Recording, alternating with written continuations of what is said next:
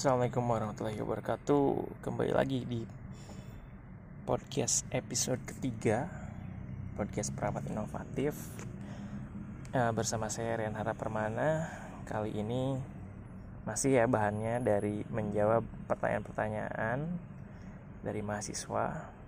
Ini kali ini tentang critical thinking Dari mata kuliah konsep dasar keperawatan. Baik kita langsung aja ke pertanyaan yang pertama dari Lisda. Dalam materi disebutkan bahwa higher order of thinking skills atau HOTS itu terdiri dari pemikiran berpikir kritis dan berpikir kreatif. Kedua pemikiran ini melahirkan adanya leveling yaitu analisis sintesis dan evaluation. Pertanyaannya, contoh dari leveling uh, tersebut uh, apa ya Pak? Oke, ini contoh dari uh, levelingnya ya. Baik, pertama mungkin untuk contoh analisis ya. Intinya ya, analisis ini kemampuan untuk secara detail membedakan atau e, menelaah ya, memeriksa ya sebuah informasi apakah uh, itu sebuah masalah atau uh, dari sebuah uh, data gitu ya atau dari uh, informasi baik itu tekstual maupun uh, verbal gitu ya. Nah, um, orang dengan kemampuan analitik ini bisa uh, melihat gitu ya, memeriksa informasi dan memahami arti dari informasi tersebut ya um, terus dia juga bisa menjelaskan ke orang lain apa sih implikasi dari informasi tersebut begitu kalau saya mengacu ke belum taksonomi ya kalau dari belum taksonomi itu kan ada um, level intellectual skill ya dari uh, ranah kognitif. Nah ini kalau di bagian analisis ya analisis itu adalah mengidentifikasi dan menganalisis pola ya pola eh, kemudian melihat ada hubungan atau tidak ada perbedaan atau tidak nah itu termasuk eh, analisis. Kemudian mengorganisir ide ya jadi misalkan ide-ide yang um, atau data-data yang serupa ya kalau dalam um, apa Eh, keperawatan ya eh, proses keperawatan misalkan mau menentukan eh, diagnosa keperawatan kan kita pilih tuh data-data mana yang sama yang akhirnya mengerucut dan bisa dijadikan apa data pendukung untuk penegakan diagnosa. Nah itu analisis.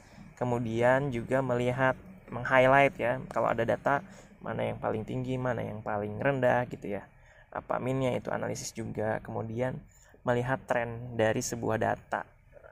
Itu. Kemudian kalau yang terkait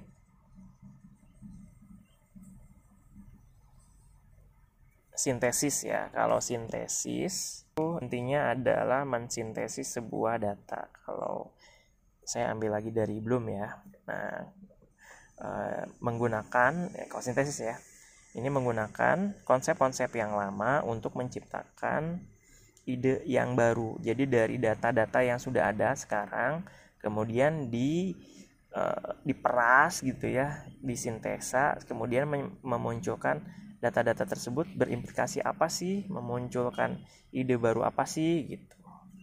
Dan juga um, sintesis uh, juga bisa bermakna uh, desain dan juga penemuan gitu penemuan.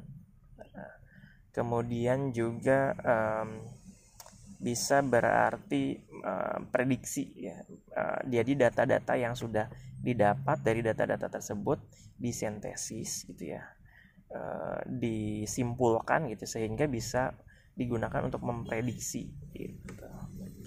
Sintesis juga bisa uh, berarti meng, apa namanya mengkombinasikan ya mengkombinasikan dari beberapa data untuk kemudian ditarik satu kesimpulan.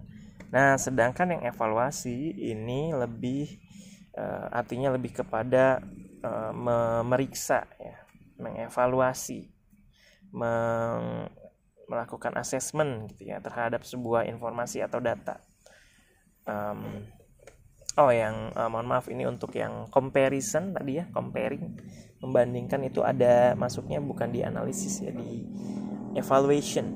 Nah, di evaluasi ini comparison of ideas.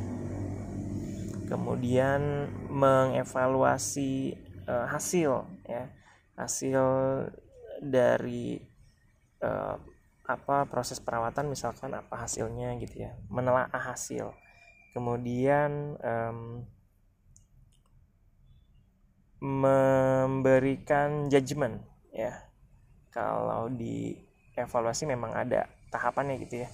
Misalkan datanya eh, tekanan darah misalkan tekanan darahnya 100 um, 60 per 80 nah itu ada labelnya. Di kita judge ini tinggi kah atau sedangkah atau rendahkah gitu ya.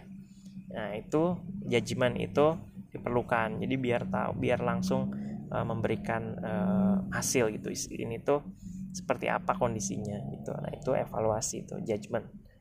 Kemudian memberikan rekomendasi ya memberikan rekomendasi itu juga dari hasil evaluasi dan memberikan rating. Ya kalau kita uh, apa memberikan rating kayak di Gojek misalkan ya itu juga termasuk evaluasi. Itu mungkin contoh-contohnya ya dari analisis sintet uh, evaluasi berikutnya pertanyaan dari Desi pada materi ini dijelaskan bahwa seorang perawat harus menggunakan feeling, thinking, dan doing dalam melakukan asuhan keperawatan. Lalu bagaimana jika seorang perawat telah menggunakan tiga aspek tersebut, namun ia tidak mendapat tidak dapat mengolah feelingnya dengan baik. Nah, misalnya ketika bekerja ia sering merasa sedih dan bersalah ketika pasien tak kunjung sembuh. Lalu apakah hal tersebut dapat mengganggu kinerja hubungan antara doing, feeling dan thinkingnya tersebut? Jika iya, bagaimana mengatasinya? Ya, terima kasih ini pertanyaannya sangat uh, praktis ya saya rasa ya uh, mengelola feeling uh, saya rasa kalau pengalaman saya itu lebih enak kalau kita uh, mulai praktikkan sedini mungkin um, apa namanya reflective practice ya. reflective practice itu bisa kita aplikasikan di segala hal baik itu di akademik baik itu di kehidupan sehari-hari maupun di praktik itu bisa dipakai gitu ya nah di yang sering saya gunakan frameworknya dari Gibbs. Nah, pakai itu coba ya, yang dari Gibbs. Nah, soalnya di sini dicontohkan kan ya, udah um, menggunakan tiga aspek tersebut, namun ia tidak dapat mengelola feelingnya. Yang bermasalahnya kan di feelingnya gitu ya. Nah, itu memang ya harus di uh, tadi dengan Gibbs tadi kita pertama ada uh, step untuk mendeskripsikan sesuatu ya. Jadi dideskripsikan tuh ya Nah, dideskripsikan ini kejadian ini permasalahannya kenapa. Kemudian habis dideskripsikan baru di feeling. Nah, eh, di deskripsikan feeling kita tuh seperti apa ya. Nah, um, itu ditulis ya. Praktiknya memang kita tulis. Nah, uh, habis feeling kalau nggak salah dianalisis ya. Nah, kenapa apa yang bagus sudah terjadi dan apa yang belum bagus terjadi gitu ya.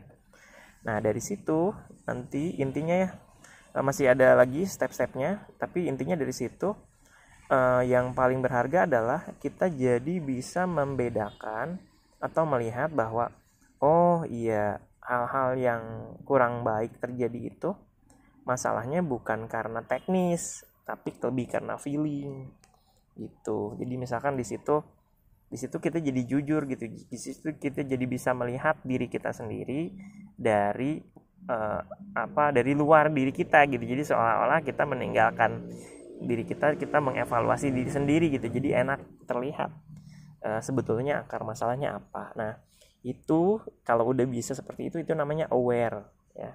Punya awareness punya kesadaran. Nah kalau sudah punya kesadaran biasanya bisa mengelola feeling dengan baik. Jadi kalau ada uh, apa kejadian yang tidak mengenakan ya uh, misalkan kita melakukan kesalahan ketika melakukan perawatan ke pasien gitu ya itu uh, biasanya naturalnya orang akan cenderung defensif. Tidak mau dirinya disalahkan ya.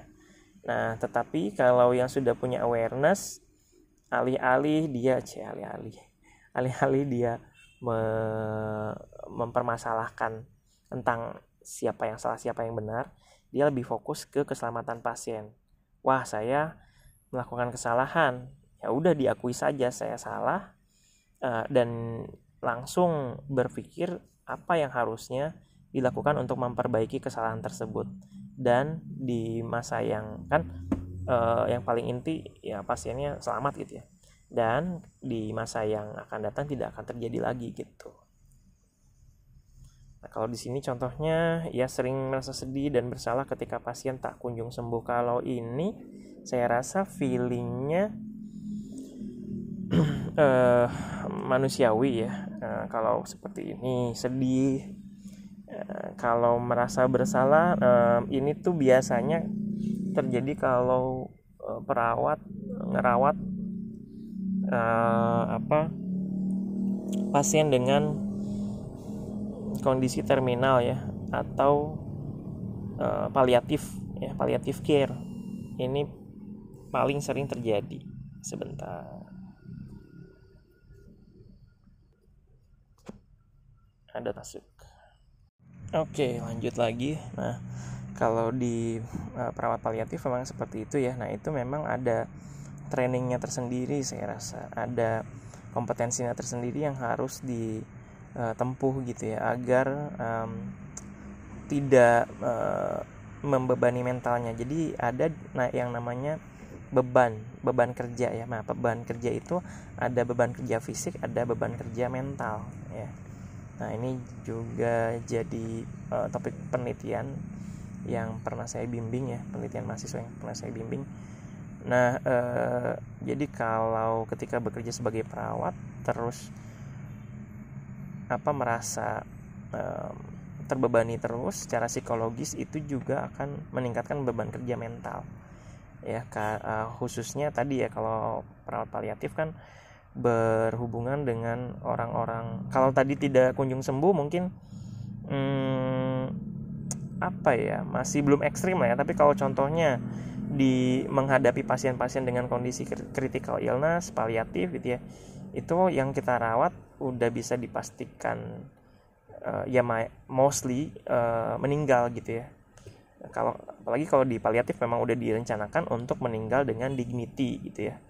Nah itu pasti uh, perasaan itu pasti hancur ya. Setiap hari me, melihat orang yang menderita gitu ya belum lagi kita kalau ke bawah simpati gitu ya itu uh, akan bisa uh, membuat apa kondisi psikologis kita juga exhausted gitu ya capek gitu lama-lama gitu. Nah itu memang uh, perlu uh, ventilasi ya perlu ventilasi itu untuk me, mengisi kembali apa mengeluarkan uh, keluh kesahnya secara psikologis dan juga mengisi kembali energi. Uh, kalau saya uh, tidak begitu paham secara detail ya bagaimana tuh uh, untuk men memperkuat kompetensi itu, saya rasa uh, apa um, dosen paliatif ya seperti Bu Hana dan atau dosen jiwa seperti Bu uh, Aat kalau di FKP Unpad itu uh, mungkin lebih paham bagaimana cara memperkuat uh, feeling itu gitu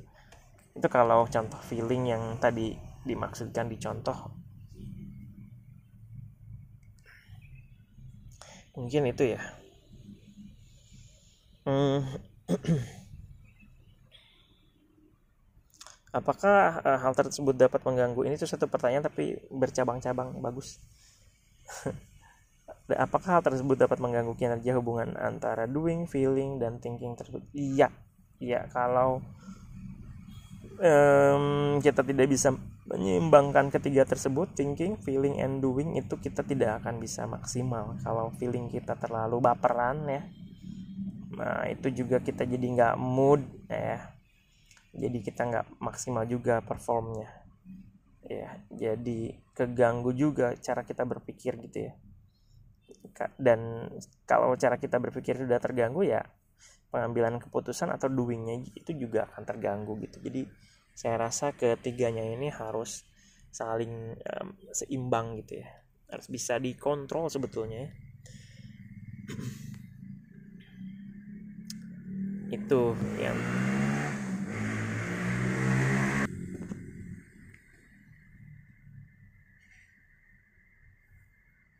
pertanyaan berikutnya.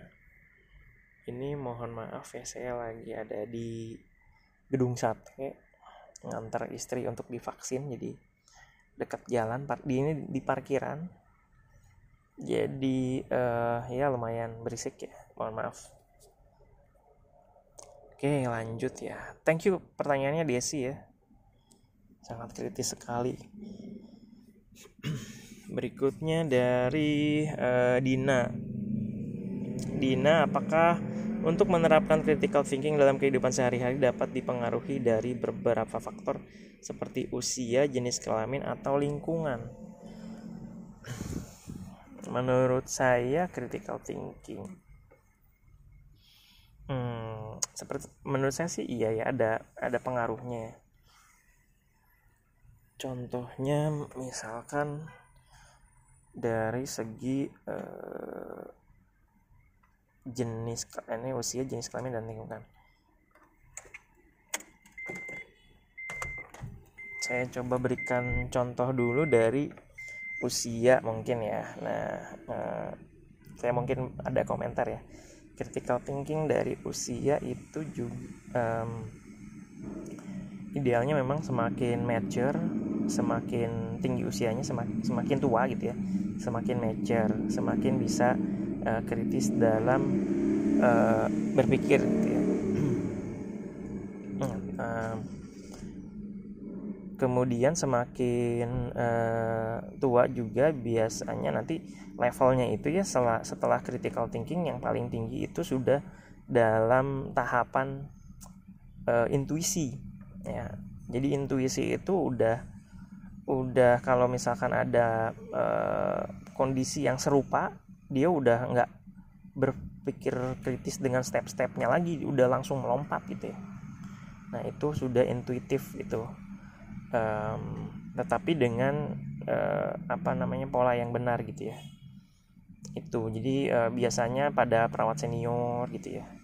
Nah tetapi kalau uh, ya perawat senior maksudnya dengan pengalaman dia gitu ketemu data yang sama problem yang sama dia udah langsung intuitif oh ini mah bakal kayak gini oh ini bakal kayak gini. Jadi dia mengambil keputusannya uh, tepat dengan uh, proses intuisinya itu. Nah tapi kalau ada uh, perubahan kondisi gitu ya kayak misalkan sekarang yang dihadapi ternyata masalah misalkan sesak nafas ya eh, ternyata uh, masalahnya karena ini lagi pandemik uh, patofisiologinya ada pada covid gitu ya. Ternyata uh, masalahnya covid. Nah ini harus intuisinya itu udah udah harus diperbarui lagi karena intuisi yang tadinya oh sakit apa kalau sesak nafas harus dikasih ini ini sekarang udah harus berbeda berubah lagi gitu. Critical thinkingnya jadi harus diupdate gitu. Nah jadi kalau balik lagi ke usia usia iya mempengaruhi kalau ke dalam kondisi ideal ya. Tetapi maturity dalam uh, uh, artian maturity dalam artian dewasa dalam berpikir ya. Khususnya ini menggunakan critical thinkingnya. Itu tidak ber tidak selalu selaras dengan usia. Jadi uh, usia itu angka-angka tersebut ya uh, bisa jadi hanya menambah tua aja tapi makin tua nggak jaminan makin dewasa. Benar. Makin tua nggak jaminan makin dewasa ya bahkan makin tinggi detail seseorang aja ya. Tingkat pendidikan aja nggak menjamin seseorang tersebut makin dewasa. Secara akademik oke okay, makin tinggi tapi perilaku itu bisa jadi nggak nggak sinkron. Bisa jadi saya bilang ya. Bisa jadi ada lah satu dua gitu ya. Eh, dari kehidupan sehari-hari itu bisa jadi seperti itu karena itu dimensi yang berbeda. Nah makanya eh, apa uh, saya selalu menyarankan ke rekan-rekan gitu ya seimbangkan antara akademik uh, kehidupan akademik kehidupan sosial gitu. Jadi kita makin pintar sosialnya juga makin bagus kita gaul sama uh, orang lebih banyak berorganisasi. Jadi kita makin bisa berempati bisa merasakan apa yang dirasakan orang orang lain gitu. Jadi dari situlah saya rasa makin banyak wawasannya makin mature. Gitu. Jadi tidak hanya salah satu aja yang bagus gitu ya. Nah um, terus juga ya tadi ya. Jadi nggak jaminan juga uh, makin tinggi usianya makin bagus critical uh, thinkingnya ya.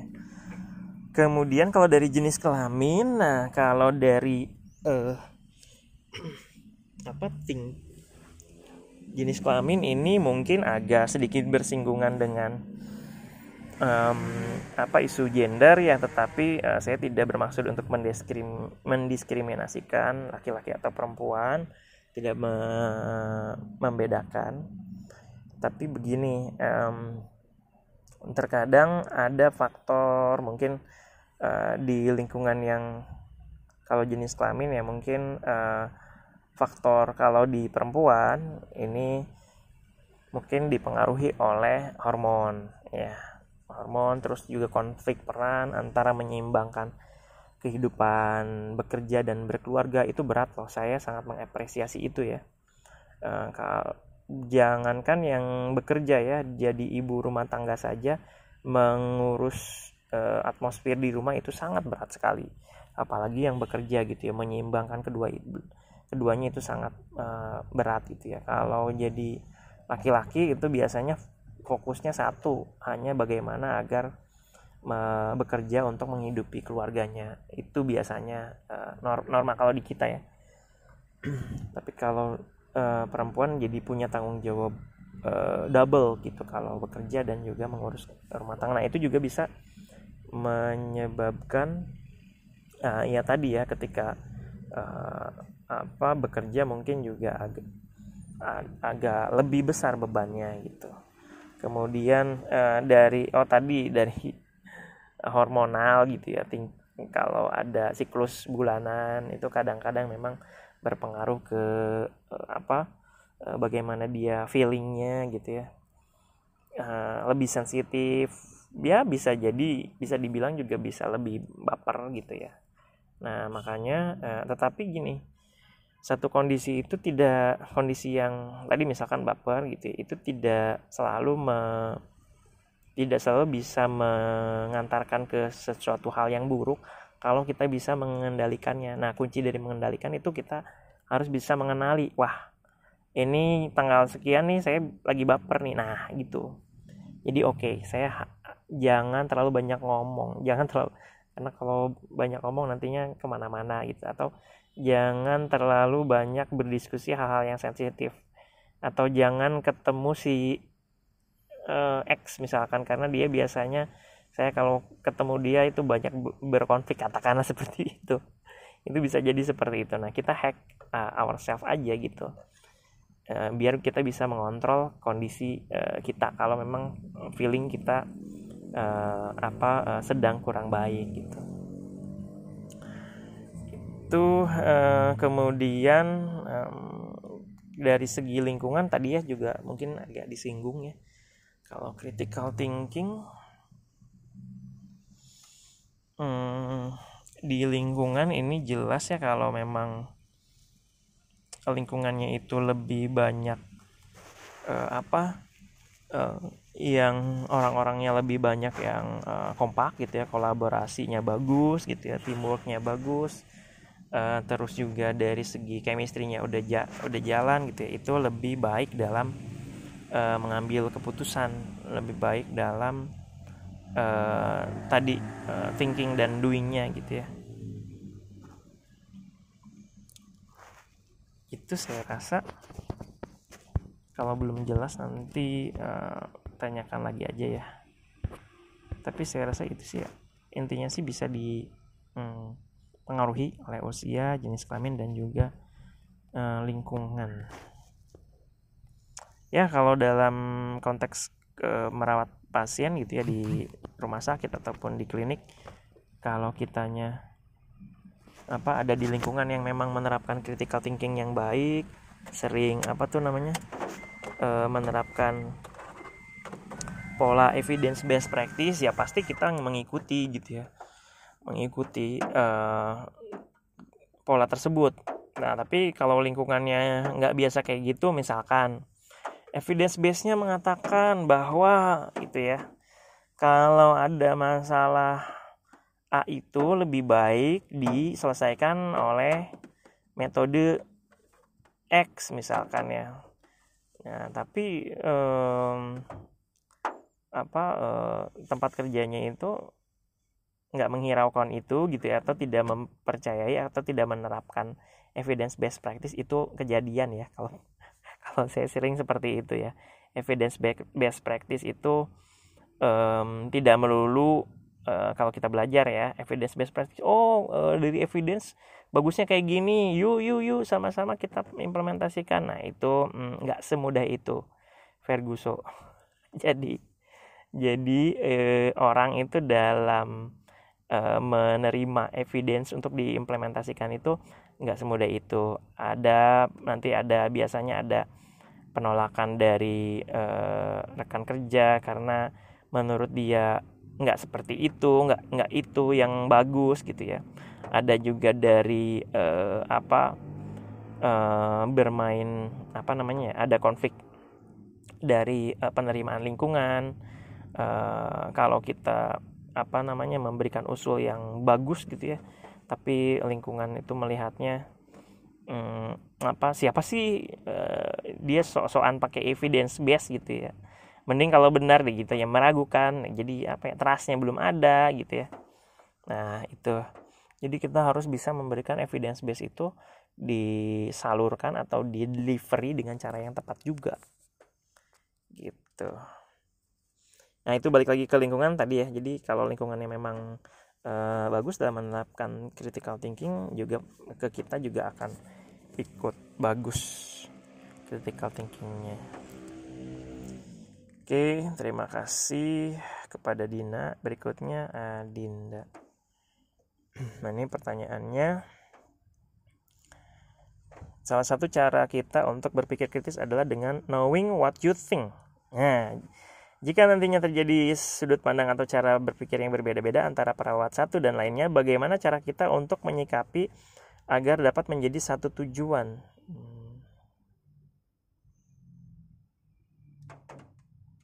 cara kita untuk menyikapi agar dapat menjadi satu tujuan oke okay. hmm, kalau uh, buat saya sih uh, perbedaan sudut pandang atau point of view itu uh, lumrah ya. Tiap orang punya tujuannya yang uh, berbeda-beda ya. Tetapi um, jadi itu pastilah pasti beda-beda gitu ya. Nah, satu tujuan ini maksudnya gini, uh, maksudnya adalah mencapai uh, uh, apa mencapai goals atau tujuan dari uh, tim kita gitu ya. Kalau kita bekerja dalam sebuah tim perawatan pasien gitu ya. Pola pikir bisa jadi beda-beda gitu ya.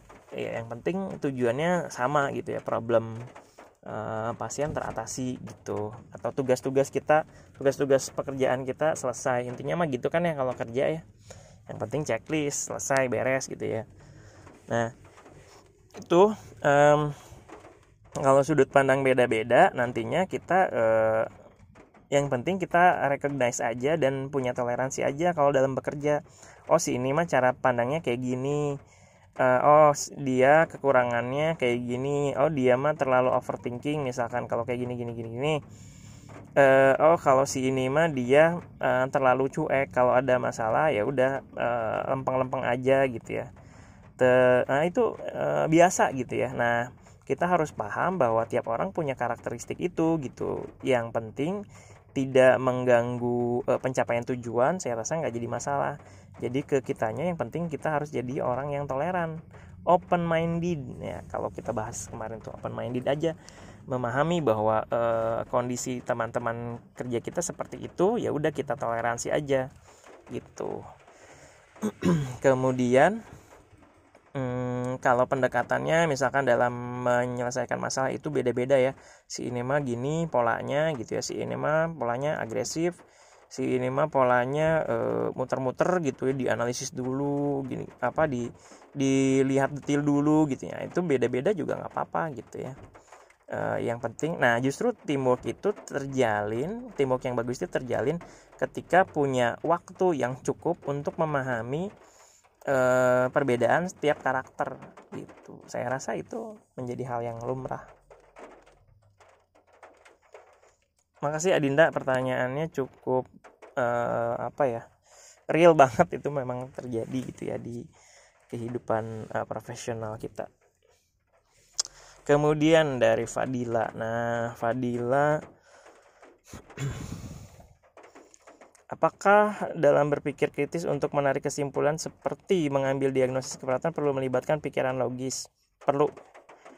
Ah, jawabannya perlu ya. Kalau tidak logis nanti sulit nanti tidak uh, jalan bukan critical thinking itu kemudian ataukah ataukah berpikir logis merupakan bagian dari berpikir kritis itu sendiri iya betul harus ada logikanya ya sebab akibat dan lain-lain sebab yang saya tahu bahwa berpikir kritis itu adalah cara pikir seseorang yang masuk akal tetapi masih belum dikatakan benar-benar akurat. Dan dikhawatirkan akan berdampak pada ketidaktepatan dalam mengambil kesimpulan atau keputusan seorang perawat. Iya. Jadi ya, intinya ya harus logis gitu. Ada apa? Kalau kita e, bicara tentang materi berpikir logis kan ada bagaimana cara pengambilan kesimpulan gitu ya. Ada silogisme gitu-gitu ya. Nah itu e, apa pola berpikir dari situ ya. Itu dulu saya belajar di filsafat ilmu kalau nggak salah ya. Atau materi ini ya berpikir empiris ya kalau nggak salah.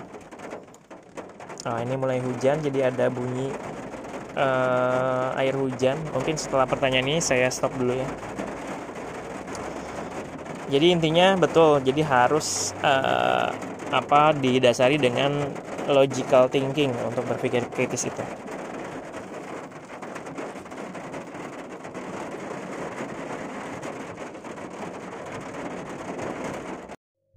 Baik, saya lanjutkan kembali pembahasan mengenai critical thinking. Ini menjawab dua pertanyaan terakhir dari Q&A critical thinking pada mata kuliah KDK. Yang terakhir sempat ke pending karena hujan besar waktu itu saya di mobil. Sekarang saya ada di rumah dan ini pasti sudah beberapa minggu kemudian. Oke, tidak jadi masalah ya. Lanjut ya, dua terakhir nih. Ini pertanyaannya cukup spesial dari Maya Hanisyadia. Kenapa? Karena ini berbasis jurnal artikel. Wah, keren banget nih. Nama saya Maya dari kampus Jatinangor. Izin bertanya saya baca di sebuah jurnal penelitian tahun 2019 dalam jurnal dikatakan bahwa jika umur semakin tua maka kemampuan berpikir kritis semakin baik. Apakah benar? Tetapi jika dilihat di lapangan banyak sekali kaum anak muda yang masih mengalahkan kemampuan yang lebih tua. Oke. Apakah ada faktor lain yang mempengaruhinya, Pak? Terima kasih. Oke, ini sebetulnya saya sudah jawab juga di um, apa namanya live on pad ya. Tapi yang ingin saya um, tekankan bahwa nah ini saya baca juga jurnalnya ya. Saya baca juga jurnalnya. Ya saya sangat menghargai effortnya dalam mempelajari critical thinking karena bertanyanya ini harus apa mencari er, jurnal artikel keren banget nih nah um, tapi di riset tersebut jumlah sampelnya saya lihat masih sedikit ya kalau tidak salah ada 59 orang Nah, sehingga untuk menarik kesimpulannya itu kurang kuat. Nah, saran saya coba cari lagi riset serupa dengan jumlah sampel yang lebih banyak ya. Sehingga kesimpulannya itu kuat dan bisa digeneralisir gitu. Nah, tapi saya setuju at some point bahwa usia itu mempengaruhi kemampuan uh, berpikir kritis. karena semakin tua maka semakin bertambah wawasan, pengetahuan dan juga keterampilan seseorang. Dalam hal ini perawat misalkan ya. Jadi dia makin tahu, makin punya pengalaman, makin skillful gitu ya. Dan biasanya secara psikologis makin tua juga akan semakin matang gitu ya. Karena dia um, memiliki lebih banyak pengalaman juga secara emosional. Nah, namun pada beberapa kasus saya setuju tadi ya. Hal ini juga tidak berlaku. Ya, kalau dari pengalaman saya, kemampuan seseorang dalam mengelola emosi dan berpikiran terbuka itu yang akan menjadi penentunya ya. Selain pengalaman-pengalaman yang dia dapat gitu. Kalau hal lain mungkin atau faktor lain ya. Um, kalau saya melihat pernyataan dari Maya ini katanya jika dilihat di lapangan banyak sekali yang masih muda tapi kemampuan berpikir kritisnya itu bagus gitu ya.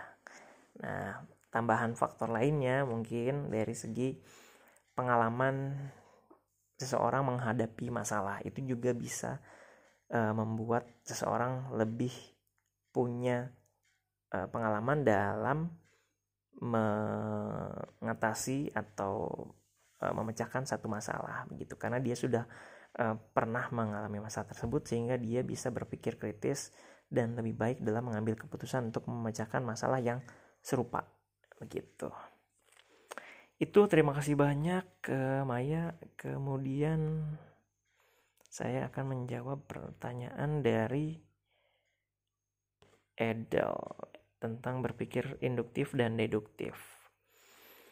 Dari Edel bagaimana kita mengasah berpikir induktif dan deduktif dalam memutuskan suatu keputusan yang nantinya akan terrealisasi di kejadian nyata sewaktu di lapangan pekerjaan terutama saat keadaan genting. Nah, saat keadaan genting kan berarti fokus perawat tuh berbagi-bagi terbagi-bagi dalam memberikan asuhan keperawatan atau menangani klien dan juga berpikir itu sendiri. Nah, bagaimana agar kita bisa tetap berpikir induktif dalam dan deduktif?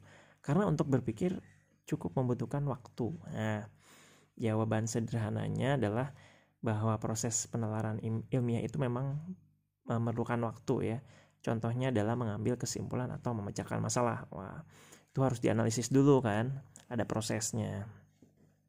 Nah, kalau dalam uh, pembelajaran nanti uh, mahasiswa akan belajar mengenai bagaimana problem solving. Contohnya dalam problem based learning. Nah, itu butuh waktu sekitar 60 sampai 120 menit tuh kalau uh, ada diskusi dalam kelompok kecil di kelompok tutorial ya. Dipandu sama tutor. Nah, itu untuk melatih kemampuan kita dalam problem solving dengan memanfaatkan critical thinking. Nah, namun dalam pekerjaan yang butuh waktu cepat, ya seperti perawat di IGD yang sedang memberikan pertolongan pada keadaan gawat darurat itu membutuhkan alur atau pathway atau prosedur yang harus diingat dan diikuti serta langkah-langkahnya ini harus diambil dalam waktu yang cepat ya sampai sepersekian detik gitu ya. Nah, kenapa bisa cepat seperti itu? Karena si pathway atau alur atau prosedur yang dibuat oleh atau disediakan oleh rumah sakit ini ini sudah berbasis pada penelitian-penelitian atau penalaran-penalaran sebelumnya gitu. Jadi ini sudah berdasarkan rekomendasi. Contohnya kalau ada tanda dan gejala A, B, C, oh apa yang harus kita lakukan? Kalau muncul A e, berarti harus apa? Kalau muncul B harus apa? Nah, itu harus uh, diingat sehingga pengambilan keputusan itu uh, uh, bisa dilakukan secepat mungkin begitu Edel.